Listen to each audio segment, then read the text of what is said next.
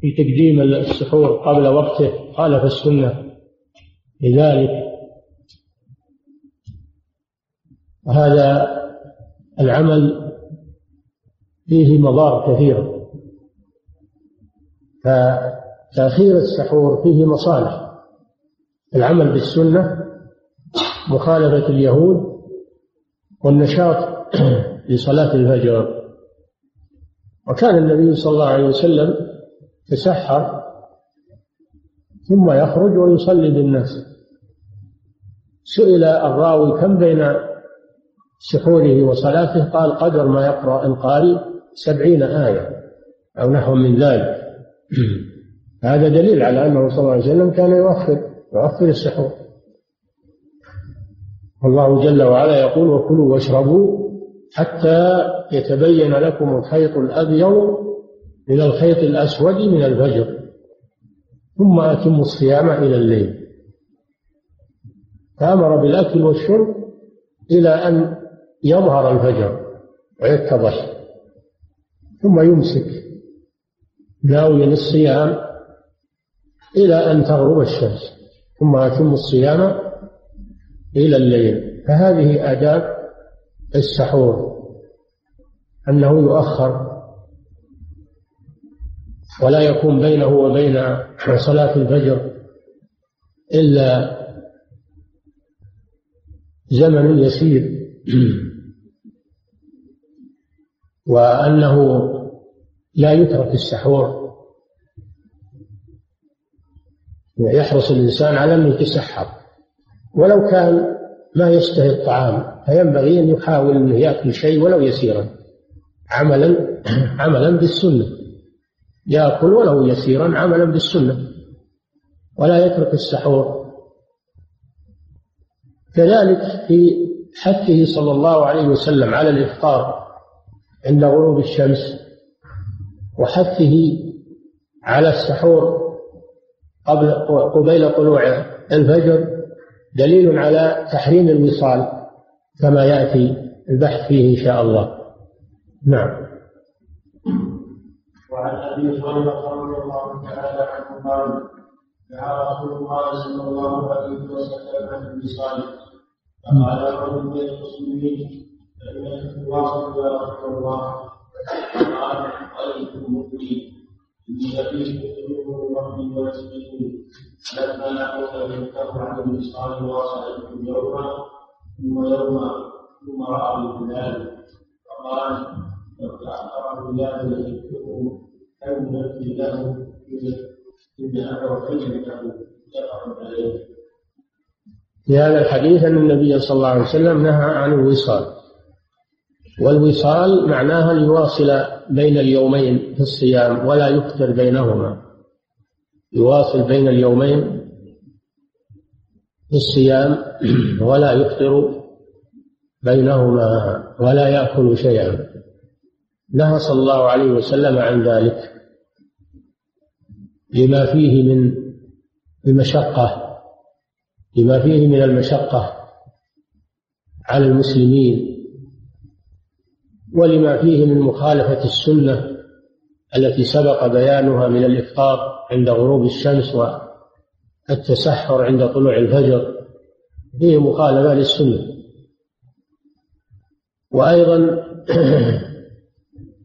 الوصال من هدي اليهود كانوا يواصلون فخالفهم النبي صلى الله عليه وسلم ونهى عن نهى عن الوصال. فلما قال له رجل يا رسول الله إنك تواصل. قال صلى الله عليه وسلم إني لست كهيئته هذا فيه دليل على أن هذا من خصائصه صلى الله عليه وسلم. أن الوصال من خصائصه. وأما الأمة فإنها مأمورة بترك الوصال. والنبي صلى الله عليه وسلم له خصائص لا يشاركه فيها غيره. منها الوصال في حقه صلى الله عليه وسلم. ولأنه يقوى على الوصال. الله أعطاه قوة لم يعطها غيره من من الناس. أعطاه قوة وصبرا على الوصال. كما أنه صلى الله عليه وسلم كان يقوم الليل حتى تفطرت قدماه من طول القيام. له صلى الله عليه وسلم خصائص وله قوة. لم يعطها الله لغيره. قال إني لست كهيئتكم. هذا فيه إشارة إلى الخصوصية. إني أبيت يطعمني ربي ويسقيني. هذا تعليل وبيان للخصوصية التي ليست عند غيره. ليست عند غيره. فالله يطعمه ويسقيه. أما غيره فلا يحصل له ذلك. واختلف العلماء في معنى يطعمني ويسقيه. فقيل إنه يؤتى بطعام من الجنة وشراب من الجنة وهذا لا يحصل لغيره صلى الله عليه وسلم.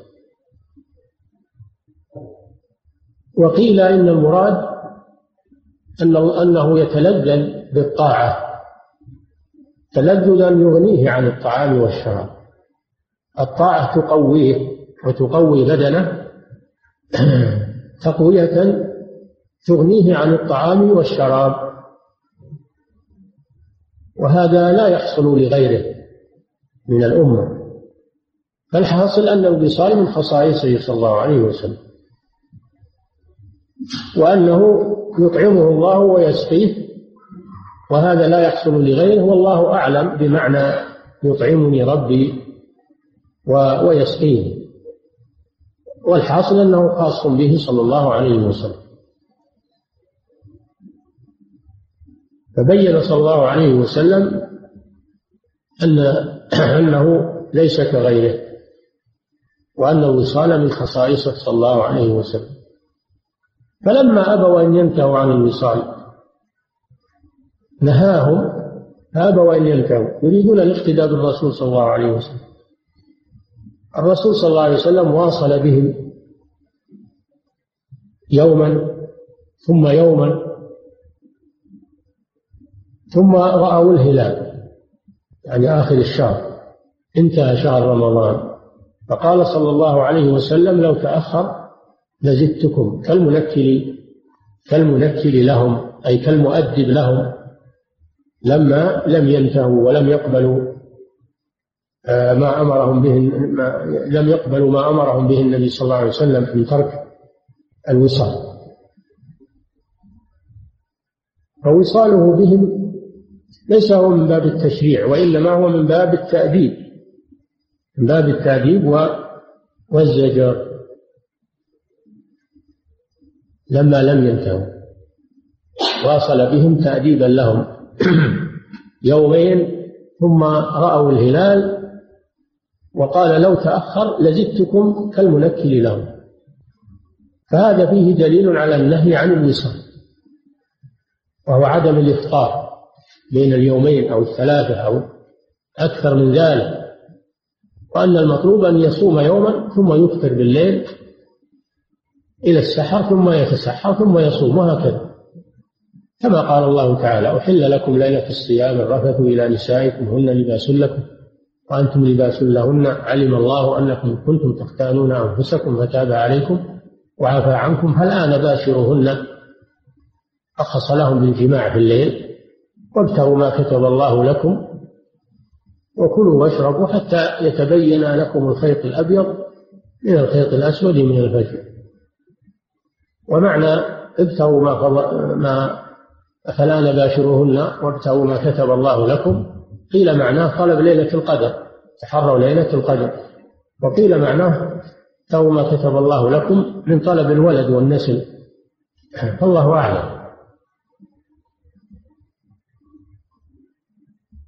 فهذا الحديث يدل على المنع من الوصال وأن المشروع للأمة أن تفطر عند غروب الشمس وأن تأكل وتشرب كل الليل حتى يأتي السحر ثم يتسحرون ثم يمسكون عند طلوع الفجر. هذا هو المشروع في حق الأمة. اختلف العلماء في حكم الوصال. اختلفوا في حكم الوصال. الجمهور على أنه محرم. لأن النبي صلى الله عليه وسلم نهى عنه نهى عنه لما أصروا عليه واصل بهم كالمنكل لهم. فدل على تحريم الوصال في حق الأمة. والقول الثاني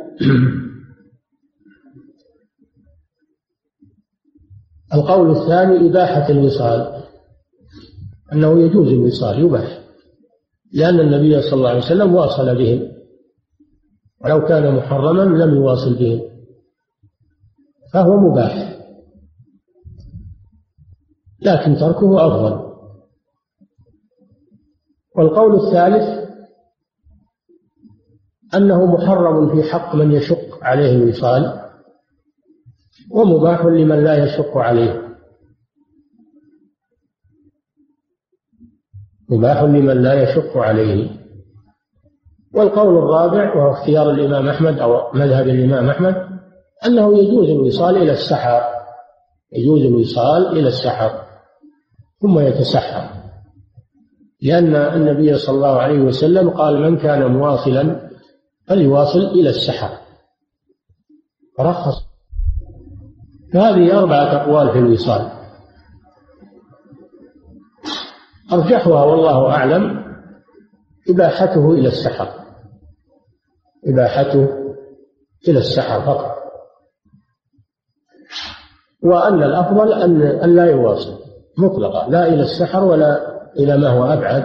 الأفضل أن لا يواصل. هذا حاصل الخلاف في هذه المسألة. نعم.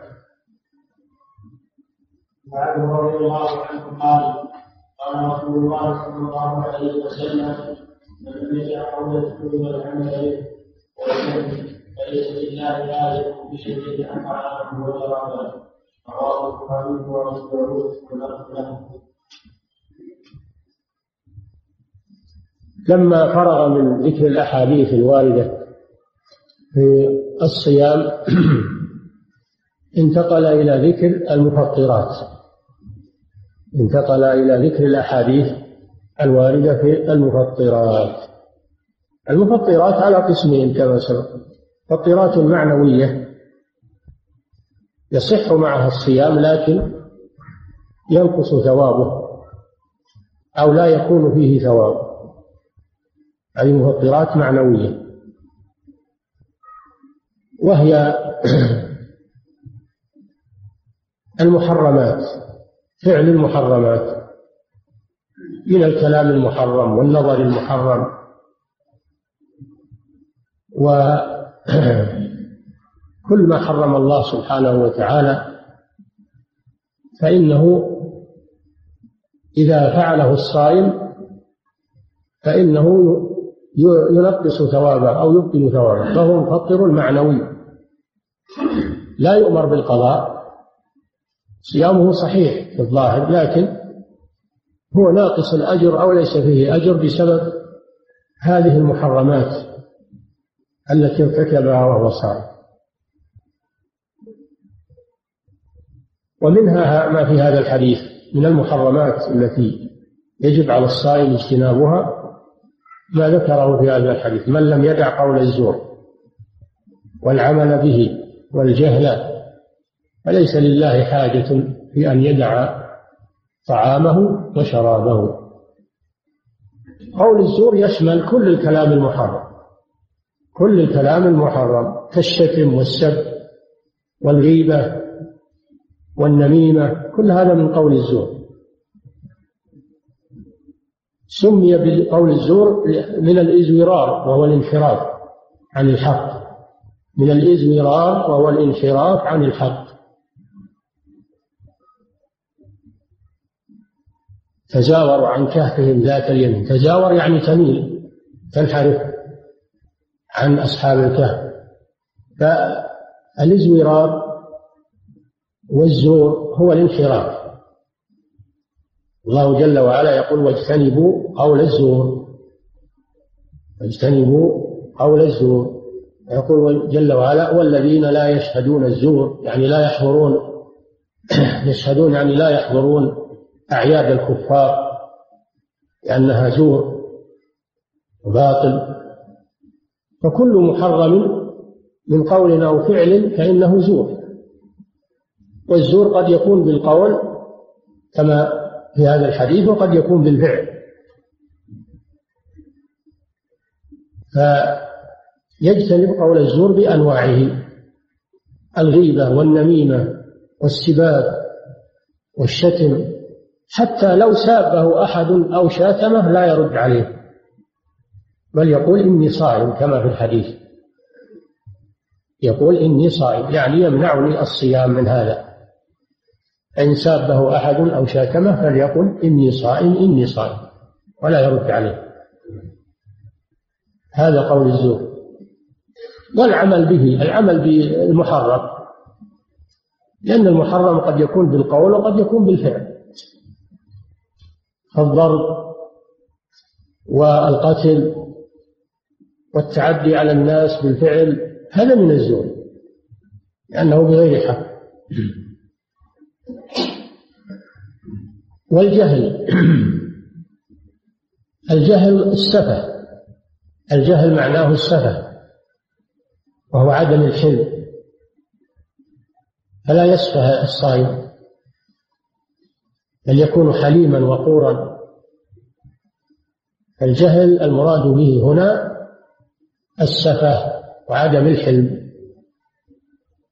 كما قال تعالى إنما التوبة على الله للذين يعملون السوء بجهالة يعني بسفاهة. وليس المراد بالجهل هنا عدم العلم. هو هو المراد؟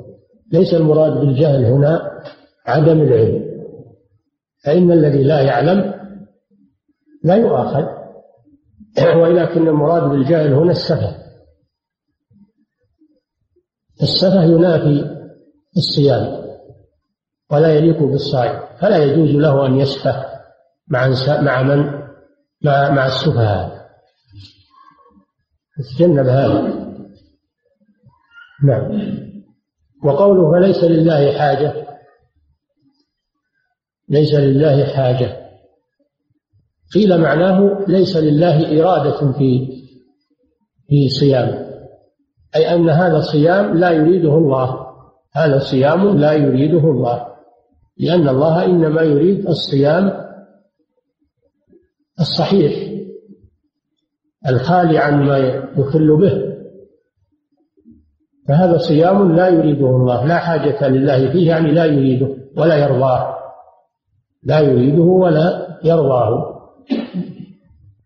وإلا فالله جل وعلا ليس بحاجة إلى عباده ولا إلى أعمالهم. الله غني عن عباده لكن المراد هنا ليس لله حاجة يعني أن هذا لا يرضاه الله ولا يريده من عباده لأنه صيام غير صحيح. فليس لله حاجة لأن يدع طعامه. وشرابه فدل على أن الصيام ليس هو مجرد ترك الطعام والشراب بل وترك المحرمات أيضا. ترك المحرمات. فإن ترك الطعام والشراب ترك للمباح طاعة لله عز وجل.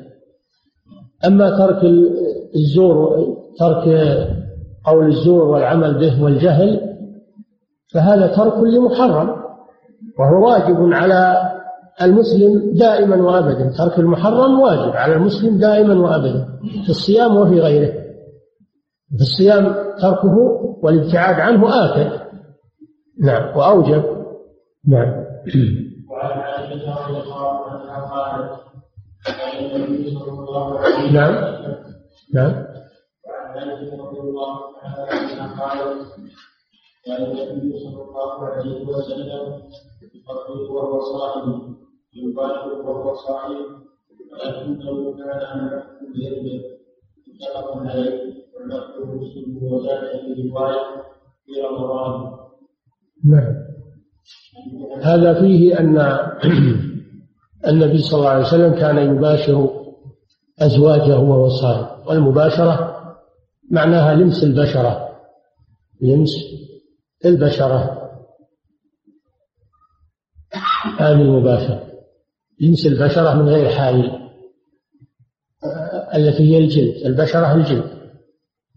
كان يباشر يعني يمس نساءه مباشرة من غير حائل وهو صائم وكان يقبل نساءه وهو صائم.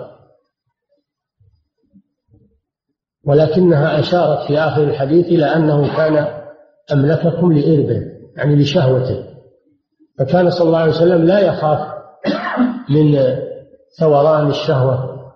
عليه صلى الله عليه وسلم. فدل على جواز مباشرة الصائم لأهله يعني لمس زوجته وتقبيلها إذا كان ذلك لا يثير شهوته. إذا كان ذلك لا يثير شهوته. أما إذا كان ذلك يثير شهوته فإنه لا يجوز له ذلك.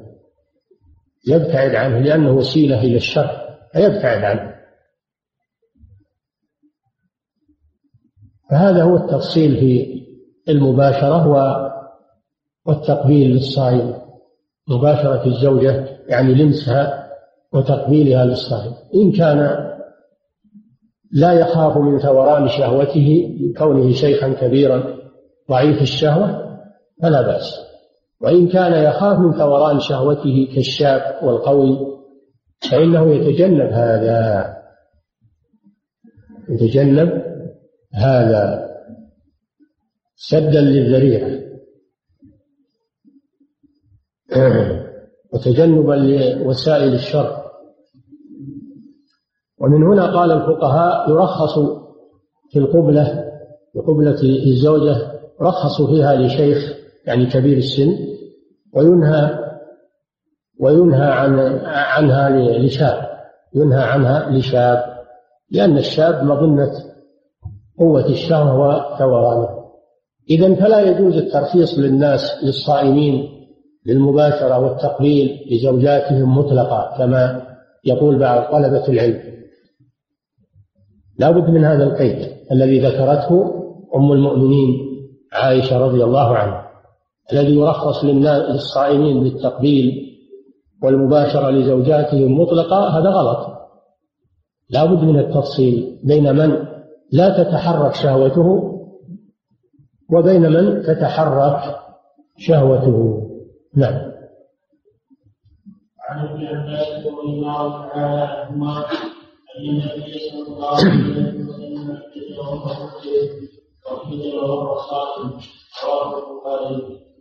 كتاب بلغس ان النبي صلى الله عليه وسلم اتى على رجل من ربيع وهو في رمضان فقال أخبر الحارث والمكتوب رواه الخمسة إلا الترمذي وصححه أحمد وابن خزيمة وابن وعن أنس بن مالك قال أول ما خلق الحجاب في الصائم أن جعفر بن أبي طالب كتب وهو صائم فمر النبي صلى الله عليه وسلم فقال أخبر ثم رخص النبي صلى الله عليه وسلم بلعب الحجاب الصائم وكان انس يحمله وهو صائم هذه الأحاديث في موضوع الحجامة للصائم. موضوع الحجامة للصائم. والحجامة هي استخراج الدم بواسطة المحجم. وهي علاج معروف وهي من الطب النبوي المفيد. قال صلى الله عليه وسلم إن كان الشفاء في شيء ففي ثلاث شرطة محجم وشربة عسل وكية بنار وأنا أكره النار. فذكر أن الحجامة أنها من الطب ويكون فيها الشفاء بإذن الله إذا وافقت إذا إذا كان الحاجم حاذقا في الحجامة ووافقت الوقت وقت الحجامة وأيضا الجسم يتقبلها فإذا توافرت شروطها فهي علاج فهي علاج علاج نافع بإذن الله. تخرج الدم الفاسد من الجسم. ولكن لا بد من توافر شروطه.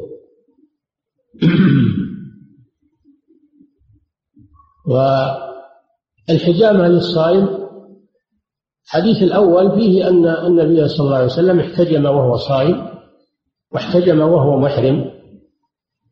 احتجم وهو محرم هذا ما فيه إشكال.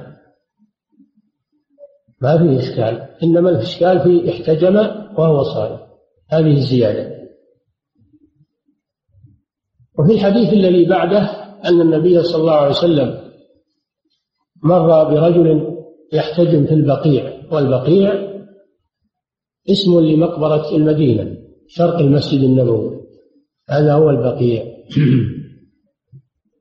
مر برجل يحتجم في البقيع فقال أفطر الحاجم والمحجوم. الحديث الأول يدل على أن الحجامة لا تفطر الصائم. والحديث الثاني يدل على أن الحجامة تفطر الصائم. الحاجم والمحجوم. الحاجم لأنه سحب منه الدم الذي به قوة البدن فأفطر بذلك كما أن الحائض تفطر إذا خرج منها دم الحيض لأن ذلك يضعفها. عن الصيام كذلك الاحتجام يضعف الصائم عن الصيام لأنه استخرج ما فيه قوة قوته. وأما إفطار الحاجم إفطار الحاجم فلأنه يمتص الدم بالقرن ولا يؤمن أن يتطاير شيء من الدم إلى حلقه فيفسد صيامه. هذا معنى قوله صلى الله عليه وسلم أفطر الحاجم والمحجوم. المحجوم لأنه أخرج منه الدم الذي يقويه وحصل له ضعف بذلك فلا يتناسب مع الصيام. وأما الحاجم فلأنه يمتص الدم فلا يؤمن أن يتطاير شيء منه إلى حلقه. بينما الحديث الثالث يبين كأنه جمع بين الحديثين أن النبي صلى الله عليه وسلم كان ينهى عن الحجامة في أول الأمر في أول الأمر ثم رخص فيها بعد ذلك. فيكون أحاديث الترخيص ناسخة لأحاديث المنع. على الحديث الثالث وبناء على ذلك اختلف العلماء رحمهم الله في موضوع الحجامة على قولين. القول الأول وهو قول الجمهور والأئمة الثلاثة أبي حنيفة ومالك والشافعي إلى أن الحجامة لا تفطر الصائم. عملا بقوله احتجم صلى الله عليه وسلم وهو صائم وبقوله الحديث الثالث رخص فيها بعد ذلك وكان أنس يحتجم وهو صائم فأخذوا من هذه الأدلة جواز الحجامة للصائم وأجابوا عن حديث أفطر الحاجم والمحجوم لأنه منسوخ منسوخ بحديث ترخيص في الحجامة هذا القول الأول. القول الثاني أن الحجامة تفطر الصائم ولا تجوز له. وهذا قول الإمام أحمد وجماعة من المحدثين كإسحاق وابن آه، خزيمة وجماعة من المحدثين اختيار شيخ الإسلام ابن تيمية وابن القيم لأن الحجامة تفطر الصائم. عملا بحديث أفطر الحاجم والمحجوم وهو حديث رواه بضعة عشر صحابيا عن الرسول صلى الله عليه وسلم. هو متواتر أو قريب من التواتر. قوي الإسناد واضح المعنى. فهو يدل على أن الحجامة تفطر الصائم. وأجابوا عن حديث احتجم وهو صائم صلى الله عليه وسلم لأن هذه اللفظة غير محفوظة. الصحيح أنه احتجم وهو محرم وأما لفظة وهو صائم فهذه غير محفوظة وإن كانت في صحيح البخاري. ولذلك الإمام مسلم تركها ترك هذه الزيادة ورواه احتجم وهو محرم ترك وهو صائم لأن هذه الزيادة غير محفوظة عن النبي صلى الله عليه وسلم. ويقول الإمام أحمد هذه الزيادة غلط. من الراوي غير محفوظة وتبعه على ذلك كثير من أئمة الحديث على أن هذه الزيادة غير محفوظة في الحديث وأن المحفوظ احتجم وهو محرم. وأما الجواب عن حديث أنه رخص بعد ذلك فهذا الحديث لا يقوى لا يقوى على نسخ حديث أفطر الحاجم والمحجوم لأنه حديث قوي رواه بضعة عشر صحابيا. فلا بد من الترجيح ترجيح قبل النسخ لا يصار إلى النسخ إلا إذا تعذر الترجيح. والترجيح هنا واضح لا يتساوى حديث أفطر الحاجم والمحجوم من جهة السند وحديث رخص فيها فيما بعد ذلك. فلا يصار إلى النسخ إلا إذا تعذر الترجيح. فيرجح حديث أفطر الحاجم والمحجوم لكثرة رواته وصحة سنده على حديث رخص في الحجامة بعد ذلك. هذا ما ذهب إليه الإمام أحمد وجمع من أئمة الحديث. اختاره شيخ الإسلام ابن تيمية والإمام ابن القيم. وهو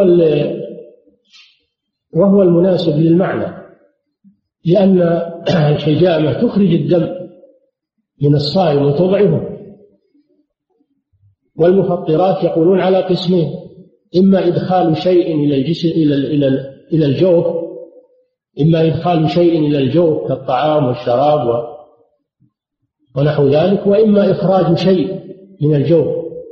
ومن الجسم كالحجامة والحيض النفاس والقيء كما يأتي وهو الاستفراغ هذه إخراجات. إخراجات تفطر الصائم لأنها تضعفه وتذهب بقوته فلا يقوى على الصيام. التفطير في الحجامة هو الراجح من جهة من جهة السند ومن جهة المعنى. ومن جهة المعنى والقياس على النظائر في هذا. ويبقى ما هو بمعنى الحجامة مثل سحب الدم من الصائم. سحب الدم من الصائم مثل الحجامة يفطر فإذا سحب دم من الصائم لإسعاف مريض أو للتبرع به للمرضى فإنه يفطر بذلك يفطر بذلك لأن هذا مثل الحجامة تماما.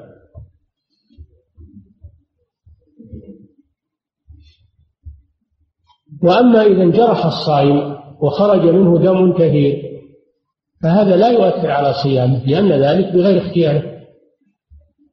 إذا انجرح الصائم وخرج منه دم كثير فصيامه صحيح. لأن هذا بغير اختيار بخلاف الحجامة وسحب الدم فإنهما باختياره. وأما استخراج الدم اليسير استخراج الدم اليسير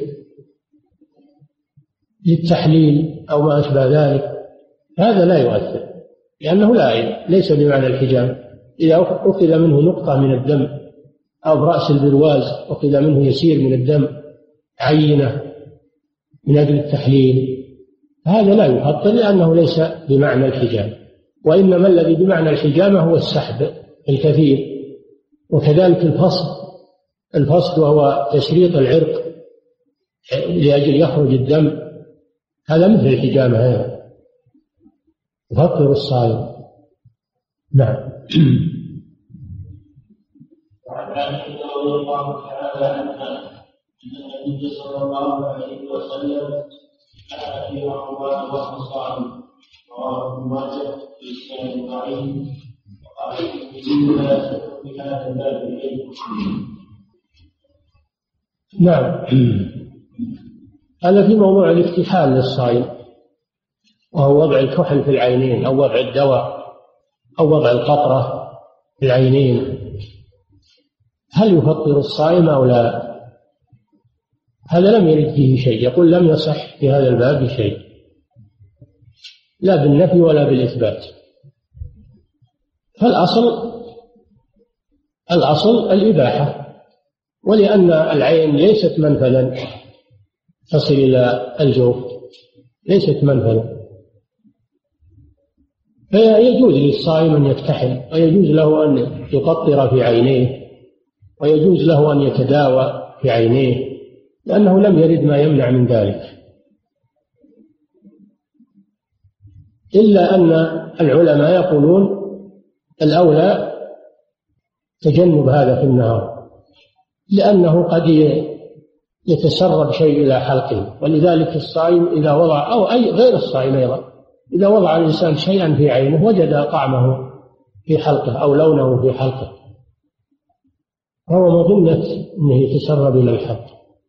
هذا شيء مشاهد أن الإنسان إذا وضع في عينه دواء أو قطرة يجد طعم ذلك أو أو أثره في حلقه. حتى لو لم يرد فيه نص فهذا يؤخذ من الواقع. يؤخذ من الواقع. فتكره يكره الكحل ووضع الدواء في العين أو القطرة في العين يكره هذا. أقل أحواله أنه يكره. لأنه يصل إلى الحد وهذا شيء مجرب ومشاهد. وكذلك القطرة في الأذن وضع شيء في الأذن أيضا مثل وضع في العين. الأولى والأحوط أن الإنسان يتجنب هذا لأنه أيضا يتسرب إلى الحق وإن كان وإن كانت الأذن والعين ليستا منفذا لكن يتسرب مع المسام يصل إلى الحق وتجنبه أحوط. تجنب الكحل والقطرة في العين. أما القطرة في الأنف فلا فهذه تفطر الصائم لأن الأنف منفذ. ولهذا قال صلى الله عليه وسلم للمتوضئ بالغ في الاستنشاق إلا أن تكون صائما. فالأنف منفذ فلا يضع في أنفه شيئا من الأدوية أو السوائل لأنه منفذ إلى الحلق. وقد يغذى بعض المرضى عن طريق عن طريق الأنف. السعوط أيضا للصبي يوضع في الأنف. فالأنف يختلف عن العين ويختلف عن الأذن. فلا يوضع فيه شيء وقت الصيام. خشية أن يذهب إلى حلقه. نعم. نعم. إيه؟ خلصنا منه؟ إن الكحل يكره للصائم؟ اشتياقا نعم. وعن ابي هريره رضي الله عنه قال قال رسول الله صلى الله عليه وسلم من تجد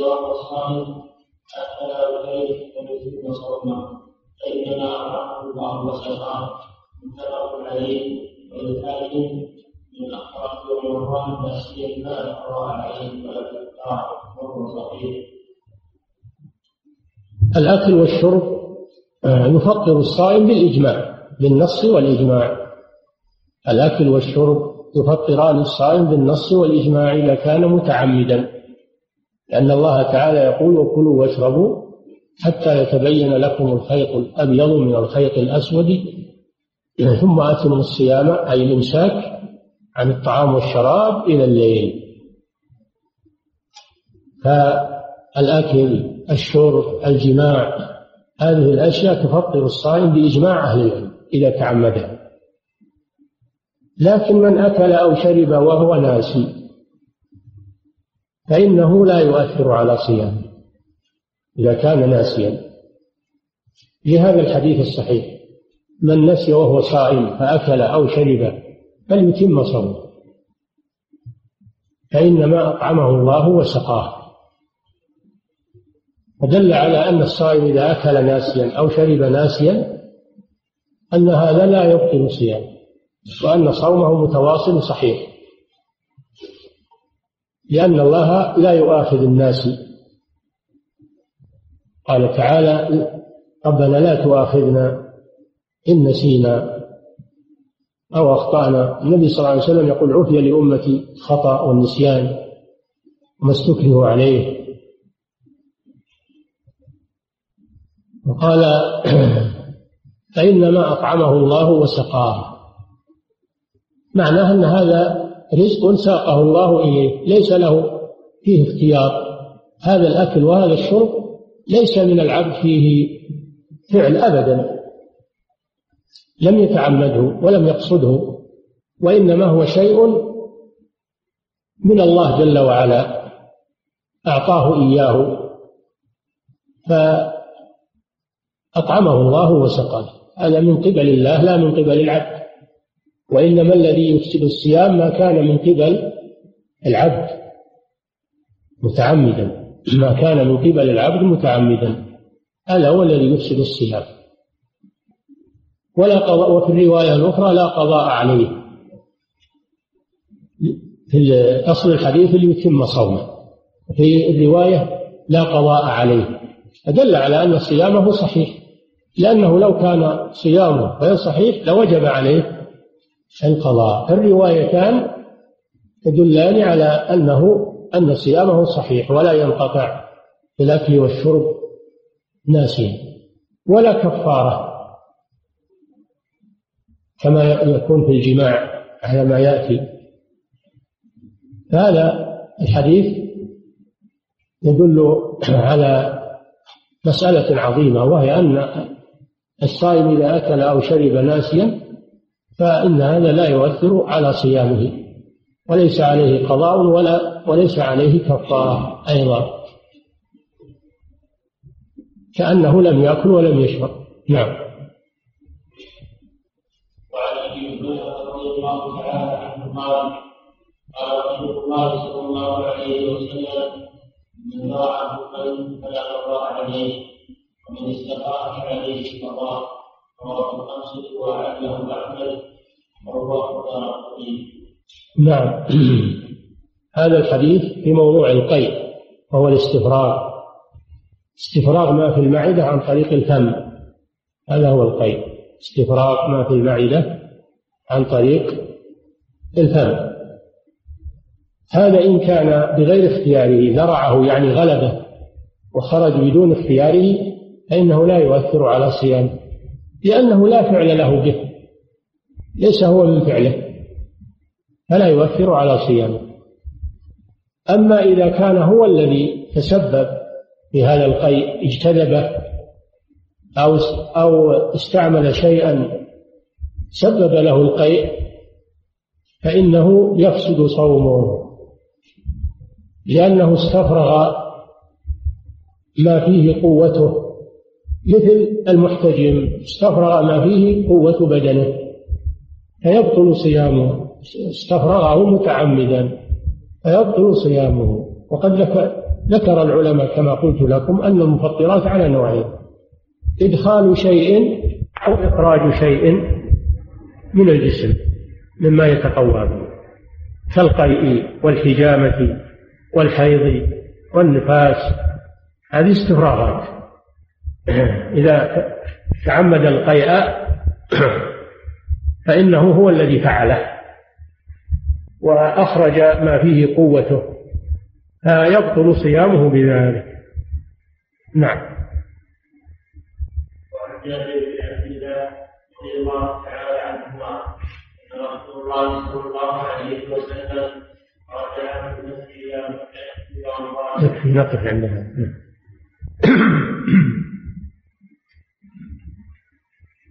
فضيلة الشيخ حفظه الله. عن الصلوات خلاف السنة لأنه لم يرد عن النبي صلى الله عليه وسلم القهوة ماء. النبي صلى الله عليه وسلم يشرب الماء عند الإفطار فهي من الماء. نعم.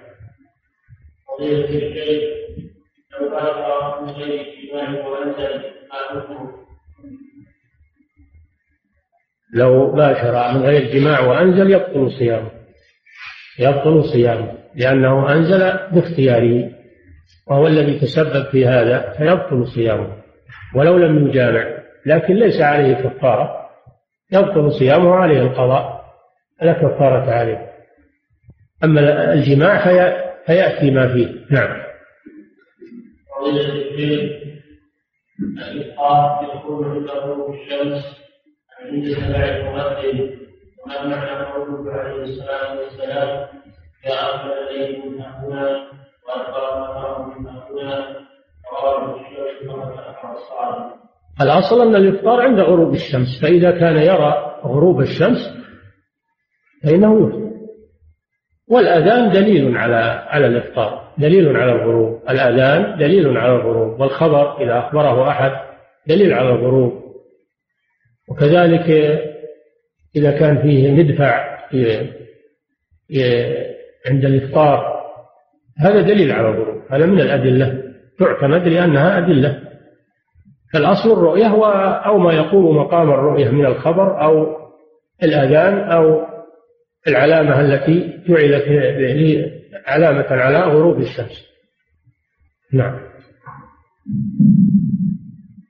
الله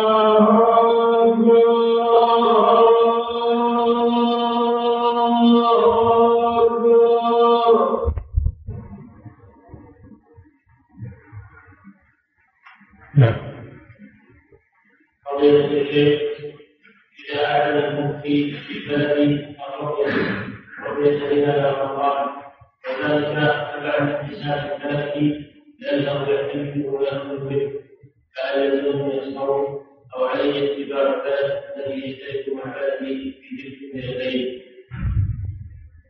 لا يجوز العمل بالحساب والذي يفتي بهذا فتواه غير صحيحه ولا يعتمد على فتوى بل تعتمد على الرؤية وتصوم مع من بنوا مع من بنوا صيامهم على الرؤية تصوم معهم.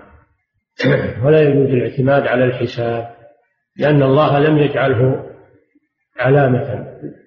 النبي صلى الله عليه وسلم كما سبق في أول الكتاب يقول صوموا لرؤيته وأفطروا لرؤيته فإن غم عليكم فاقدروه.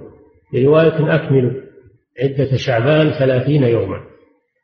هذا الذي أمرنا به الرسول صلى الله عليه وسلم. ولم يحلنا على الحساب نعم كذلك في بعض البلدان يتأخر أمام المغرب عن غروب الشمس بمقدار نعم هناك في بعض البلدان إيه؟ يتأخر أمام المغرب عن غروب الشمس بمقدار عشر أو خمسة عشر دقيقة وكذلك الفجر وكان مقرر الفجر بنحو عشرين دقيقة فلا علينا إذا على الشمس على طلوع هؤلاء مخالفون للسنة. هؤلاء مخالفون للسنة. ربما يكونون من المبتدعة الذين آه، يفعلون هذا الشيء. لا يوافقون على هذا. الإفطار عند غروب الشمس والسحور عند طلوع الفجر. وأما الأذان قبل طلوع الفجر فلا بأس به إذا كان هناك من يؤذن على الفجر. إذا كان هناك مؤذنان أو مؤذن واحد يؤذن أذان أول ثم يؤذن أذان أخير. أما أنه يؤذن قبل طلوع الفجر ويكتفي بهذا الأذان هذا تغرير بالناس ولا يجوز. نعم. التوفيق بين صيام داود عليه السلام وعن النبي صلى الله عليه وسلم نحو صيام يوم الاثنين والخميس وثلاث أيام البيض وايهما افضل في صيام داود عن النبي صلى الله عليه وسلم وعن الحديث الآخر الصيام صيام داود عليه السلام أن يكون عليه نسبة الشرائع فيها فيها أنه عليه الصلاة والسلام هذا يختلف باختلاف الناس. الذي عنده قوة ويريد الصيام يصوم صيام داود الذي عنده قوة ويريد الصيام يصوم صيام داود يصوم يوما ويفطر يوما. أما الذي ليس عنده قوة فإنه يصوم الاثنين والخميس ثلاث أيام من كل شهر ويكفي هذا. الحمد لله. نعم.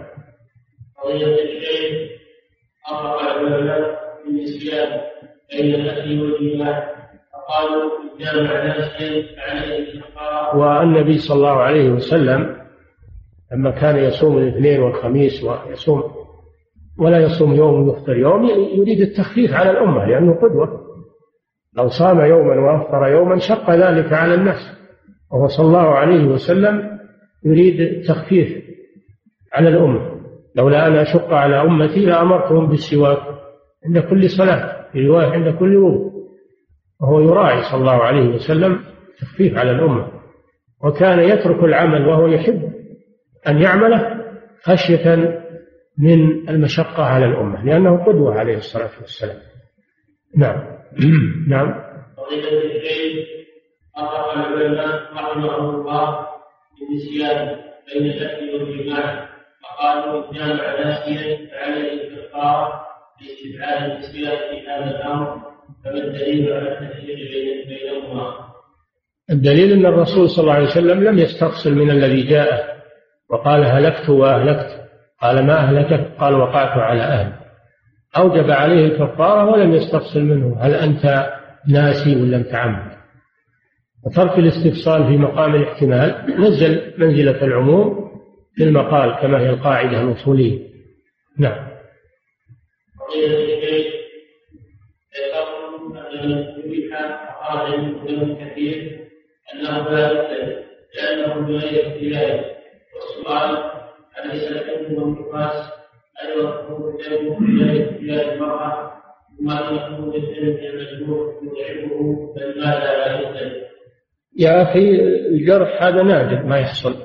قليل من وقوعه بخلاف الحيض والنفاس. فإنه دمع طبيعة وجبلة مع المرأة. فلو أمرت بالصيام وهي حائض شق ذلك عليه. يعني شيء دائم. خلاف الجراحة هي شيء طارئ تحصل أحيانا ولا تحصل لكل الناس. نعم. في فرق بين الحيض والنفاس وبين الجراحة. نعم.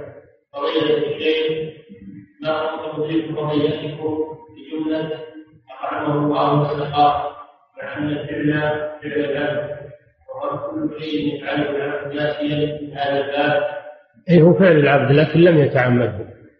لم يتعمده. فما دام أنه لم يتعمده فإنه لا يفسد صيامه. مثل القيء إذا خرج بغير اختياره فإنه لا يفسد صيامه. مثل الجراحة إذا جرح خرج منه دم لا يفسد صيامه. كل شيء لا ليس بفعله وليس باختياره فإنه لا يؤثر على صيامه إلا ما دل الدليل على على أنه يفسد الصيام. نعم.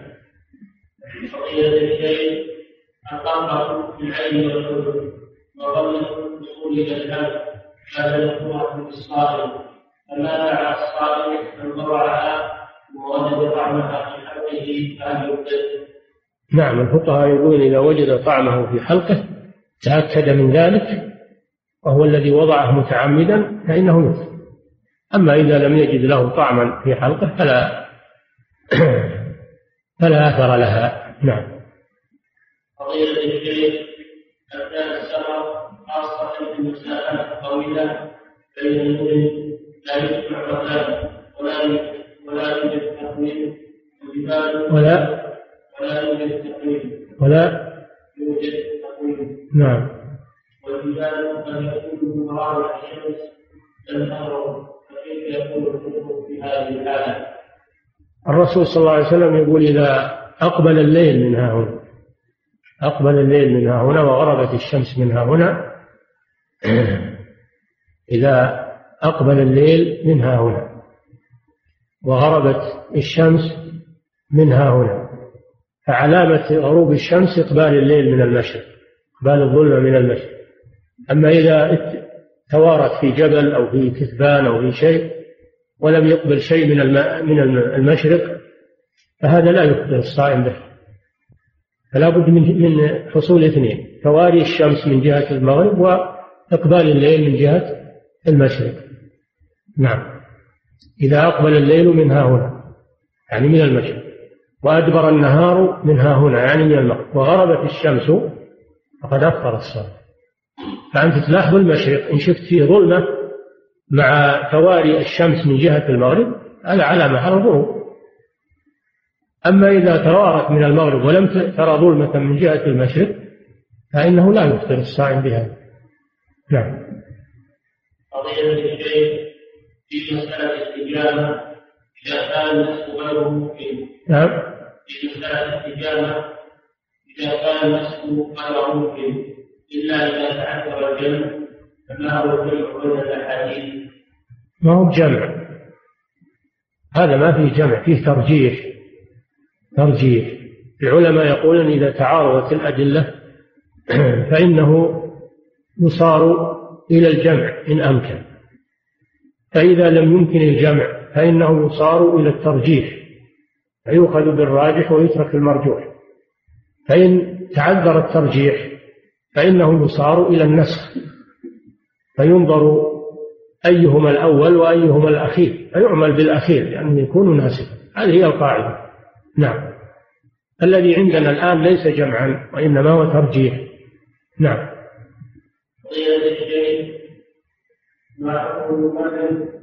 نعم. الذي يسلم الدم بالآلة هل له حكم الحاجب؟ لا ليس له حكم الحاجب لأنه لا يمص الدم مثل الحاجب إنما يخرجه بآلة. نعم. قضية الشيخ هل التحامي الطبية التي تلقى للمريض فرضه وكذلك تحاليل تحاميل. إيه. إذا كانت تتسرب إلى الجوف إنها تفطر الصائم. إذا كانت تتسرب إلى الجوف. والظاهر أنها تتسرب إلى الجوف. تفطر الصائم نعم. لأن لأن الدبر منفذ. الدبر منفذ إلى الجوف وإلى المعدة. نعم. وكذلك غسل المعدة. نعم. وكذلك غسل المعدة. الغسيل. نعم. غسيل المعدة أيضا نعم. الذي هو الحقنة يسمونها الحقنة. أيضا تفطر الصائم لأنها إدخال ماء وأدوية إلى المعدة تدخل إلى المعدة هذا يفطر الصائم نعم قضية الشيء هناك بلاد كثيرة من المسافات فإنها مدة صغيرة قد تكون دون 80 كيلو متر أو فوقه بقليل هل يعتبر ذلك شرع السفر؟ هل يعتبر حكم السفر فيه مشقة؟ إذا فارق الإنسان عامر البلد إذا خرج من البنيان قاصدا مسافة تبعد ثمانين كيلو فهذا سفر سواء كان قاصدا لبر أو قاصدا لقرية أو لأي مكان. إذا خرج من البنيان قاصدا مسافة ثمانين كيلو فإنه هذا سفر تقصر فيه الصلاة ويرخص في الإفطار في رمضان. نعم. أما إذا كان دون ثمانين كيلو فهذا لا لا يبيح القصر ولا يبيح الفطر لأنه ليس سفرا. نعم. قضية الشيء إذا لم يستطع الهلال هل إلى صلاة العشاء أم إلى ما بعد ذلك؟ الهلال يتراءى عند غروب الشمس لأنه يكون قريبا منها يكون قريبا منها قد خرج من المحاق خرج من المحاق. ولا يمكن يراه إلا أهل الخبرة وأهل المعرفة ومن عندهم قوة بصر هم الذين يرونه يعني عند غروب الشمس. وقد يتأخر بعدها بقليل. تأخر بعدها بقليل. نعم. إذا تسحر الإنسان آباء الأذان هل يكمل السحور حتى يقطعه؟ ليست العبرة ببداية بنهاية الأذان. العبرة ما هي بنهاية الأذان العبرة بالبداية بداية الأذان. إذا أذن فهذا دليل على طلوع الفجر لأنه ما لا يؤذن حتى يرى الفجر أو يطلع الفجر. فالعبرة بالبداية لا بالنهاية. نعم. إلا إذا كان المؤذن يقدم الأذان يبتر فلا يعتمد على أذانه بالسحور أما إذا كان المؤذن يتقيد بطلوع الفجر معروف عنه الحزب والانضباط يؤذن عند طلوع الفجر فإنه إذا بدأ الأذان فإنه يبدأ الصيام. نعم. الشيخ المراد بالمبالغة الواردة في الحديث هل هي فقط الجنس باليد أم هي؟ المباشرة هي اللمس باليد. نعم اللمس باليد هذه المباشرة. أما ما زاد عن ذلك ربما هذا يثير الشهوة. نعم. يجوز التطوع بالدم من غير حاجة وهل إذا أعطي هدية على ذلك فله أن يقولها. لا بأس بالتبرع بالدم لأنه من الإحسان. إذا كان الإنسان عنده استعداد للتبرع ولا يأثر على صحته. والأطباء يفحصون قبل هذا يفحصون يشوفون هل عنده استعداد أو ما عنده استعداد. فإذا كان عنده استعداد فتبرعه بالدم طيب وإحسان منه لكن لا يأخذ في مقابله شيء لأنه لا يجوز بيع الدم. الدم حرام وإذا حرم الله شيئا حرم ثمنه. فإذا كان يتبرع بالدم يعني رجاء للهدية إذا كان يتبرع بالدم من أجل الهدية فهذا لا يجوز لأنه بيع. أما إذا تبرع بالدم إحسانا منه ولم يتطلع إلى شيء لكن أعطي بعد ذلك شيء هذا لا بأس به لأنه لم يرده. نعم. وكونه يتركه أحسن بعد كونه يتركه أحسن لكن إذا كان ما أراده ولا تطلع إليه فلا مانع أنه يأخذه. نعم. النبوي عن الإجابة أنه لا بد من يوم معين في الشهر وتاريخ معين فما الحكمة في ذلك؟ الحكمة في ذلك أن الدم له أوقات و الدم له أوقات يناسب سحبه فيها وأوقات لا يناسب سحبه فيها ما هو دائما يسحب الدم في أوقات لو سحب الدم يتأثر الإنسان في أوقات إذا سحب ما يتأثر وهذا يعرفه أهل الحذق وأهل أهل المهنة. نعم. بالنسبة لمسائل المطالع قرأت أنه يؤمر من المدينة قراءة فلان فإذا كانت المدينة التي ذكر فلان على وجه 2226 قرر تحتاج المطالع. هذا حسب درجات الفلك. هذا لا يعرفه إلا أهل الحفظ والفلكيين. يعني مسألة المسافة التي تختلف فيها المطالع المسافة التي لا تختلف هذا باختلاف خطوط الطول والعرض. هذا لا بد من أهل الفن الذي يقدرونه. نعم يكفي. الله أعلم صلى الله عليه وسلم.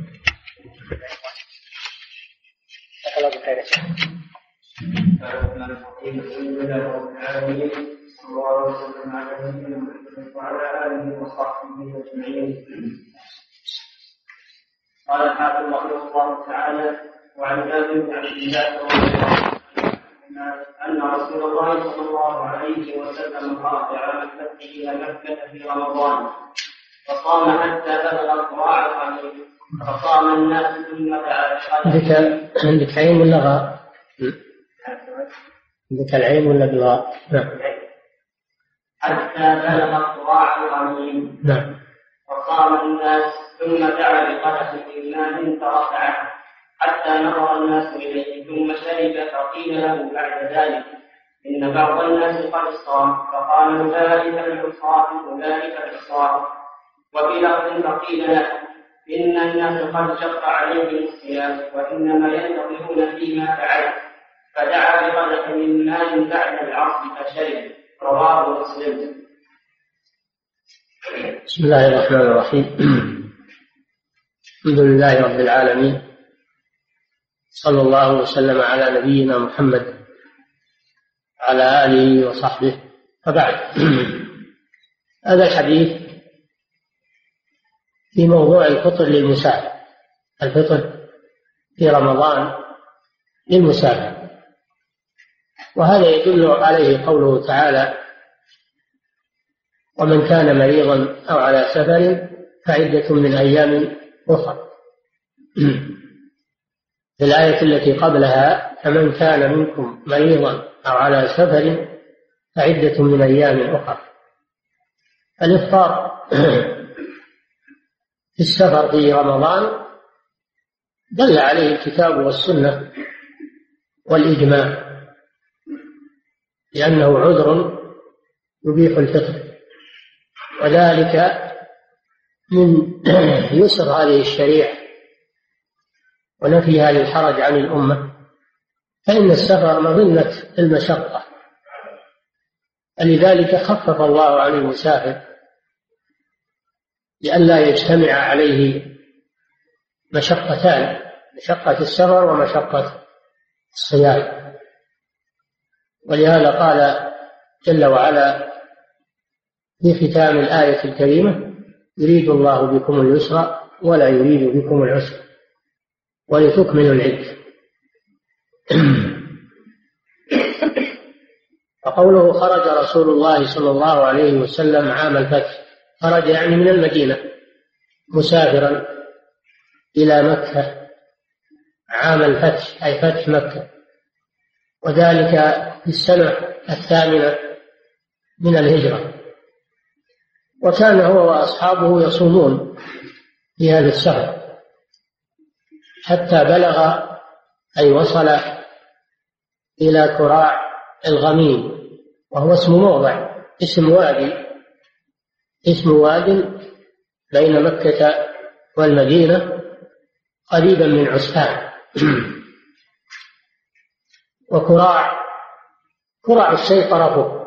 وكل طرف يقال له كراع.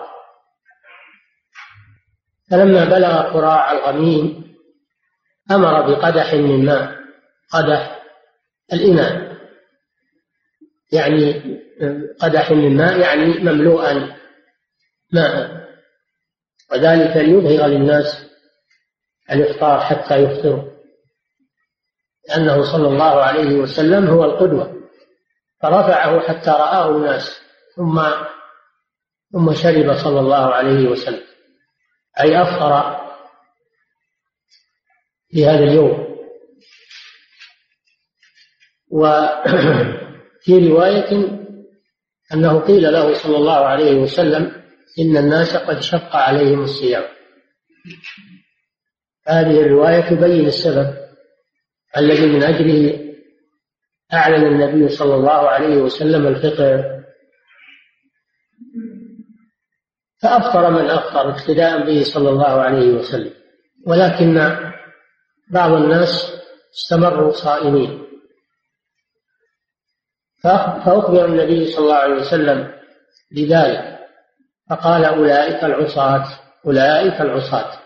هذا ذم منه صلى الله عليه وسلم. لهؤلاء لأنهم خالفوا سنة النبي صلى الله عليه وسلم. فأصروا على الصيام وخالفوا النبي صلى الله عليه وسلم. فعد صلى الله عليه وسلم فعلهم هذا معصية أي مخالفة. وذلك لأن الذي يترك الرخصة وهو محتاج إليها يؤد عاصيا أن الله لأنه في الحديث إن الله يحب أن تؤتى رخصه كما يكره أن تؤتى معصيته.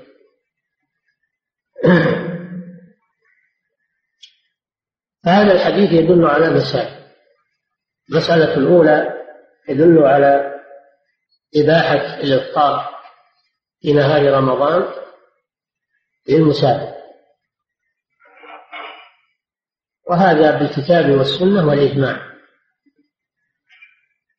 ثانيا يدل على أنه ينبغي للقدوة من أهل العلم ينبغي لهم أن يعلنوا الأحكام الشرعية للناس حتى يعلموها ويعملوا بها لأنهم قدوة. ثالثا في الحديث دليل على أن المسافر إذا بدأ الصيام لم يلزمه أن يتمه. إذا بدأ الصيام من أول النهار لم يلزمه أن يتمه. النبي صلى الله عليه وسلم لم يتم هذا اليوم. رابعا الحديث دليل على أن من خالف الرخصة وهو محتاج إليها فإنه يعد عاصيا لأن الله يحب منه فعل الرخصة فهو فعل شيئا لا يحبه الله.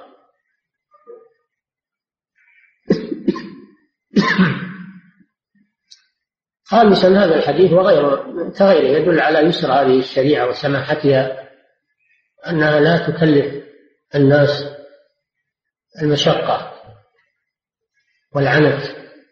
أن الله لا يحب من عباده أن يشقوا على أنفسهم. نعم. وعن أبي بن رضي الله عنه أنه قال يا رسول الله إني اجد في قوه عن الصيام في السفر فهل علي جناح فقال رسول الله صلى الله عليه وسلم هي رخصة من الله. فمن أخذ بها فحسن ومن احب أن يقوم فلا جناح عليه. رواه مسلم. ورسول في المتفق عليه من حديث عائشة أن حمزة بن عمرو وسأل. أن حمزة بن عمرو سأل. هذا الحديث عن حمزة بن عمرو الأسلمي رضي الله عنه. أنه سأل النبي صلى الله عليه وسلم أنه لا يجد مشقة في الصيام في السفر فهل عليه جناح أي حرج؟ إذا صام قال النبي صلى الله عليه وسلم هي رخصة. هي رخصة من الله سبحانه وتعالى. من شاء فعل ومن شاء صام. هذا الحديث يفسر الحديث الذي قبله. يفسر الحديث الذي قبله. في أن المسافر مخير بين الصيام في السفر والإفطار. إذا كان يقوى إذا كان يقوى على الصيام فهو مخير. إن شاء صام وإن شاء أفطر. أما إذا كان لا يقوى على الصيام ويشق عليه فإنه يتأكد في حقه الفطر. فالفطر في حقه أفضل. ولو صام صيامه صحيح. فهو يبين أن الفطر ليس بواجب وأنه لا يفهم من قوله صلى الله عليه وسلم أولئك العصاة. أولئك العصاة لا يفهم منه أن الصيام في السفر محرم. وإنما الأمر فيه تفصيل. إن كان يشق عليه الصيام فالفطرة. وإن كان لا يشق عليه الصيام فإن الأمر متعادل. إن شاء صام وإن شاء أفطر.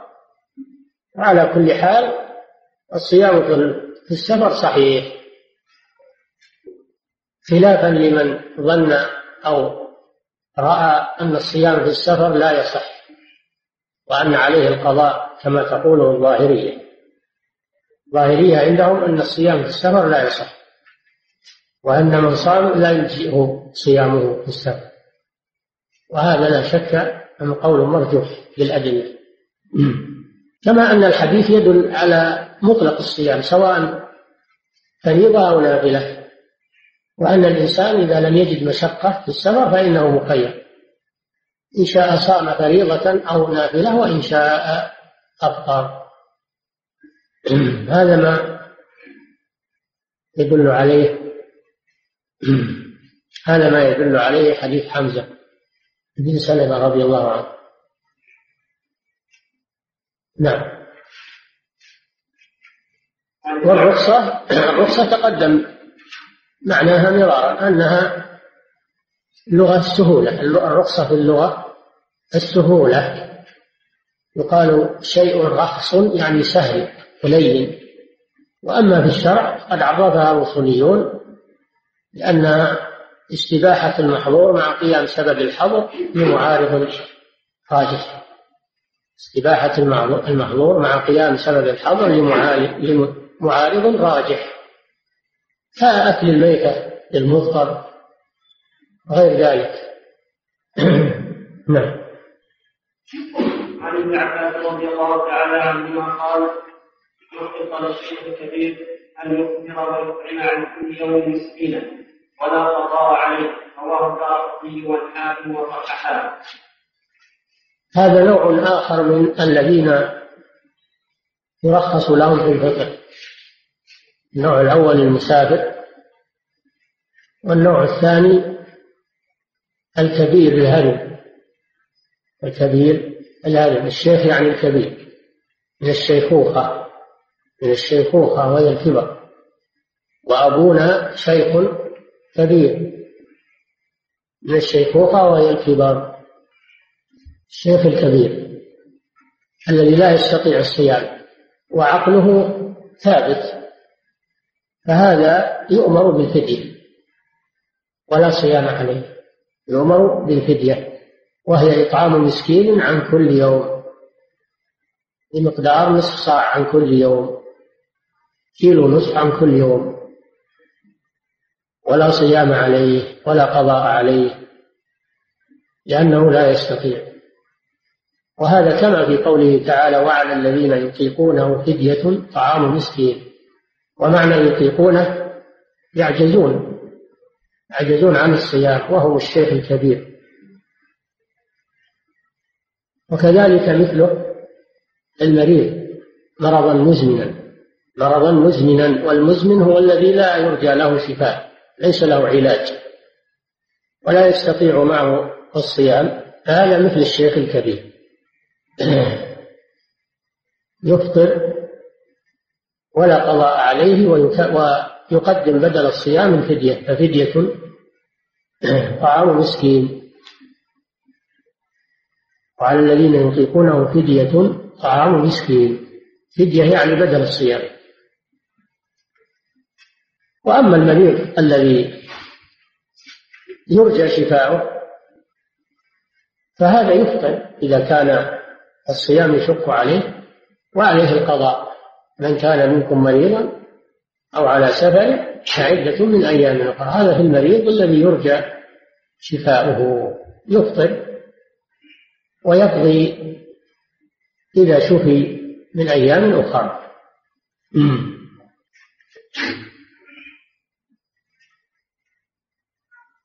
فهذه أنواع الذين يباح لهم الفطر.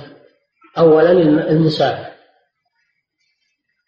ثانيا المريض. وهو على قسمين مريض يرجى شفاؤه فهذا يفطر ويقضي. القسم الثاني مريض لا يرجى شفاؤه وهذا يطعم عن كل يوم مسكينا ولا قضاء عليه. الثالث الشيخ الكبير الهرم فهذا يفطر ولا قضاء عليه. الرابع الحائض والنفساء تفطران وقت الحيض والنفاس وعليهما القضاء. الحائض والنفس تفطران وجوبا لا يصح منهما الصيام لو صامتا ما صح الصيام. وعليهما وعليهما القضاء من أيام أخرى. فتبين لنا أن الذين يرخص لهم في الإفطار على قسمين. قسم يفطر ويقضي وقسم يفطر ولا يقضي بل يقدم الفدية. نعم. وعن أبي هريرة رضي الله تعالى عنه قال جاء رجل النبي صلى الله عليه وسلم فقال هلكت يا رسول الله؟ قال وما اهلكت قال وقعت على امرأة في رمضان. فقال هل تجد ما تعتق رقبة؟ قال لا. قال فهل تستطيع أن تصوم شهرين متتابعين؟ قال لا. قالت هل تجد ما تطعم ستين مسكينا قال لا. ثم جلس. فأتي النبي صلى الله عليه وسلم بعقل فيه تمر. فقال تصدق بهذا. فقال أعلى أفقر منا؟ فما بين لابتيها أهل فما بين لابتيها أهل أحوج إليه منا. أهل بيت فما بين لابتيها أهل بيت أحوج إليه منا؟ فضحك النبي صلى الله عليه وسلم حتى بدت أنيابه ثم قال اذهب فأطعمه أهلك. رواه السبعة واللفظ مسلم هذا الحديث في موضوع في موضوع مفسدات الصيام. في موضوع مفسدات الصيام.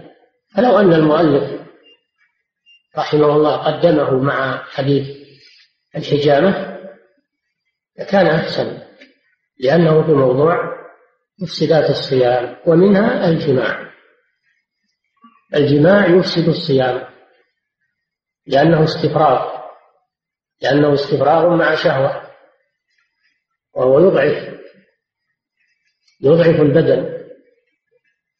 فلا يتناسب معه الصيام. قد سبق لنا أن المفطرات تنقسم على قسمين إما إدخال شيء إلى الجوف وإما إخراج شيء منه ومن الإخراج الجماع لأنه استفراغ بشهوة. يضعف البدن فلا يتناسب مع الصيام. ولأن في الحديث القدسي أن الله جل وعلا يقول للصائم إنه ترك شهوته وطعامه وشرابه من أجل الواجب على الصائم أن يبتعد عن الجماع ودواعيه فإن جامع بطل صيامه. لأنه لم يترك شهوته فكما أنه يدع الطعام والشراب فإنه أيضا يدع الجماع. فإذا جامع الصائم بطل صيامه. وإن كان ذلك في نهار رمضان وجب عليه مع بطلان صيامه وإثمه يجب عليه الكفارة. فهذا الرجل جاء إلى النبي صلى الله عليه وسلم خائفا. خائفا مما فعل. قال يا رسول الله هلكت. يعني وقعت في الهلاك. لأن فعله هذا خطير. يقتضي الإثم والعقوبة. وهو يعلم أن الجماع محرم في رمضان. فلذلك قال هلكت. وفي رواية وأهلكت. يعني أهلكت زوجتي معي. فقال النبي صلى الله عليه وسلم ما أهلكك؟ هذا فيها أن المستفتي يستفصل من السائل يستفصل من السائل قبل أن يجيبه. قال ما أهلكك؟ ما هو الشيء الذي أهلكك؟ فقال الرجل وقعت على امرأتي يعني جامعتها من الوقاع وهو الجماع وقعت على امرأتي وأنا صائم. هذا هو السبب الذي شكى منه الرجل. النبي صلى الله عليه وسلم لم يعنفه لم يعنفه بل قال له هل تجد ما تطعم ما ما تعتق رقبة؟ هل تجد عتق الرقبة؟ يعني كان يملكها أو يشتريها. فقال لا. لا أجد.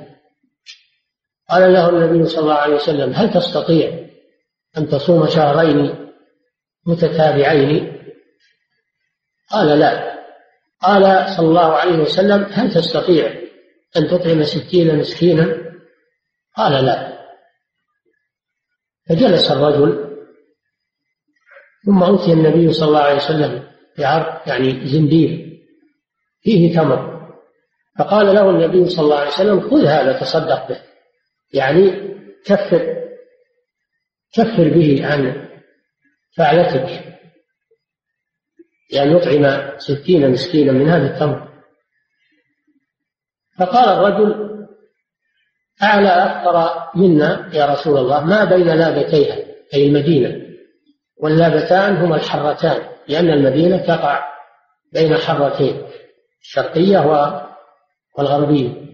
والحرة هي الأرض السوداء المكسوة بالحجارة السوداء. ما بين لابتيها أهل بيت أحوج إليه منا. فضحك النبي صلى الله عليه وسلم حتى بدت أنيابه والأنياب أطراف الأسنان. كان صلى الله عليه وسلم من عادته إذا ضحك أن يتبسم فقط. وإذا بالغ في الضحك بدت أنيابه أو نواجذه عليه الصلاة والسلام. ضحك صلى الله عليه وسلم حتى بدت أنيابه متعجبا من هذا الرجل. حيث جاء خائفا وجلا. فلما وجد الرفق من الرسول صلى الله عليه وسلم والسهولة من الرسول صلى الله عليه وسلم طمع.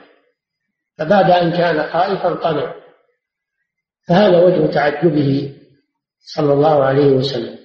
فقال أطعمه أهلك أطعمه أهلك. أمره أن يأخذه لأهل بيته لأنه محتاج إليه. فهذا الحديث يدل على مسائل عظيمة. المسألة الأولى أن الجماع يبطل الصيام. وهذا بالكتاب والسنة والإجماع. أما الكتاب لقوله تعالى فالآن باشروهن وابتغوا ما كتب الله لكم وكلوا واشربوا حتى